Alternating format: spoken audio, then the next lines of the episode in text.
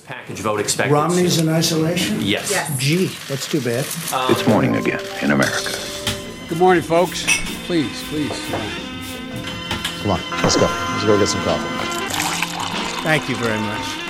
Det er mandag 23. mars.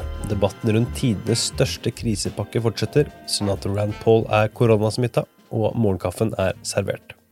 Det er fortsatt uenigheter mellom demokratene og republikanerne om en tredje koronaredningspakke, etter at møter avholdt på søndag ikke førte til umiddelbar enighet mellom partiene. En obligatorisk stemmerunde søndag kveld ledet heller ikke fram. Det krevde 60 stemmer for å stanse debatt og sende pakken videre til votering, men slik gikk det ikke. Endelig stemmegivning ble 47-47. Make no mistake about it, we'll be voting tomorrow. I mean, the wheel has to stop at some point, and I don't want any of you to buy the notion that this isn't a thoroughly bipartisan proposal already. There's still some elbowing and maneuvering for room, as you can imagine. Uh, På tross av at de ikke ble enige, så skal det etter planen stemmes over lovforslaget på mandag. Det er snakk om Kongressens største økonomiske redningspakke noensinne, og den overgår altså redningspakken fra finanskrisen i 2008. 500 milliarder dollar i lån og garantier til bedrifter, delstater og byer, 350 milliarder dollar til små bedrifter og sjekker på 1200 dollar til mange amerikanere trekkes fram som noen av hovedtiltakene. Dagens andre sak, Kentucky-senator Rand Paul er den første i senatet som har testet positivt for koronaviruset. The official confirmation came in a series of tweets just a few minutes ago, and I want Dette ble i går bekreftet av Pauls talsmann, og senere via senatorens egen Twitter-konto. Fra før er representantene Mario Diaz-Polar fra Florida og Ben McAdams fra Utah bekreftet som smittet i Representantenes hus. Disse to tilfellene førte til at en rekke representanter valgte å gå i karantene, men ingen senatorer valgte å gjøre det samme på det tidspunktet. Very, very COVID-19. Wish him the very best. He's compromised given uh, health conditions he's had in the past, and so we'll be praying for him and thinking, thinking about him.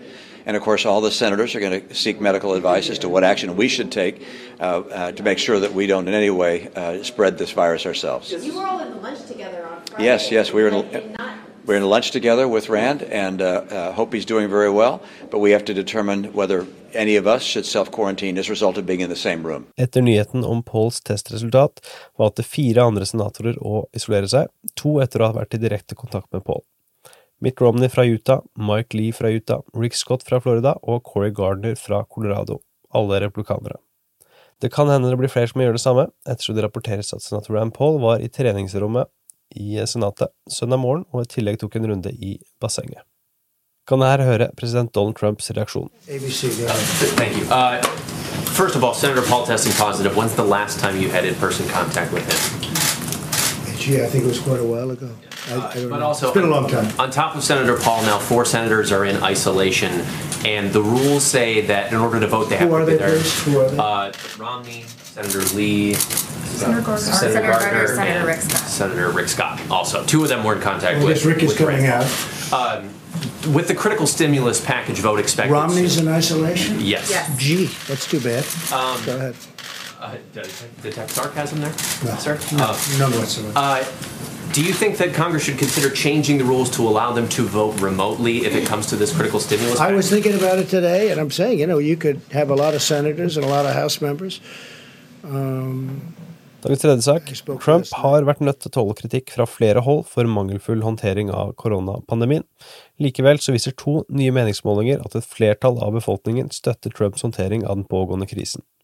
Analytikere mener imidlertid ikke at målingene viser et betydelig skifte i støtte overfor presidenten.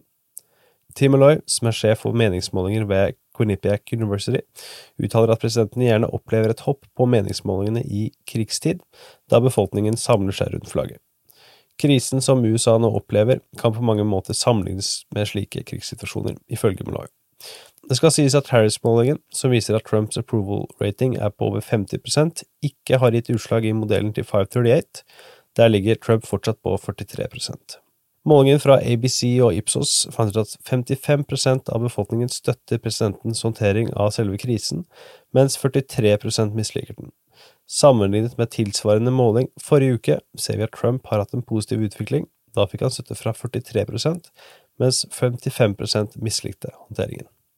Det er imidlertid ikke mer enn 61% som mener man kan stole på det presidenten sier om viruset.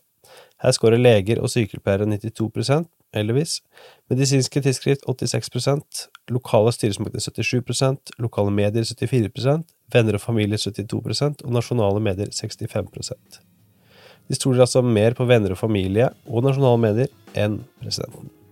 Dagens utgave av Målkaffen er servert av Henrik Skotte og undertegnede Are Togflaten. Du leser mer på amerikanskpolitikk.no.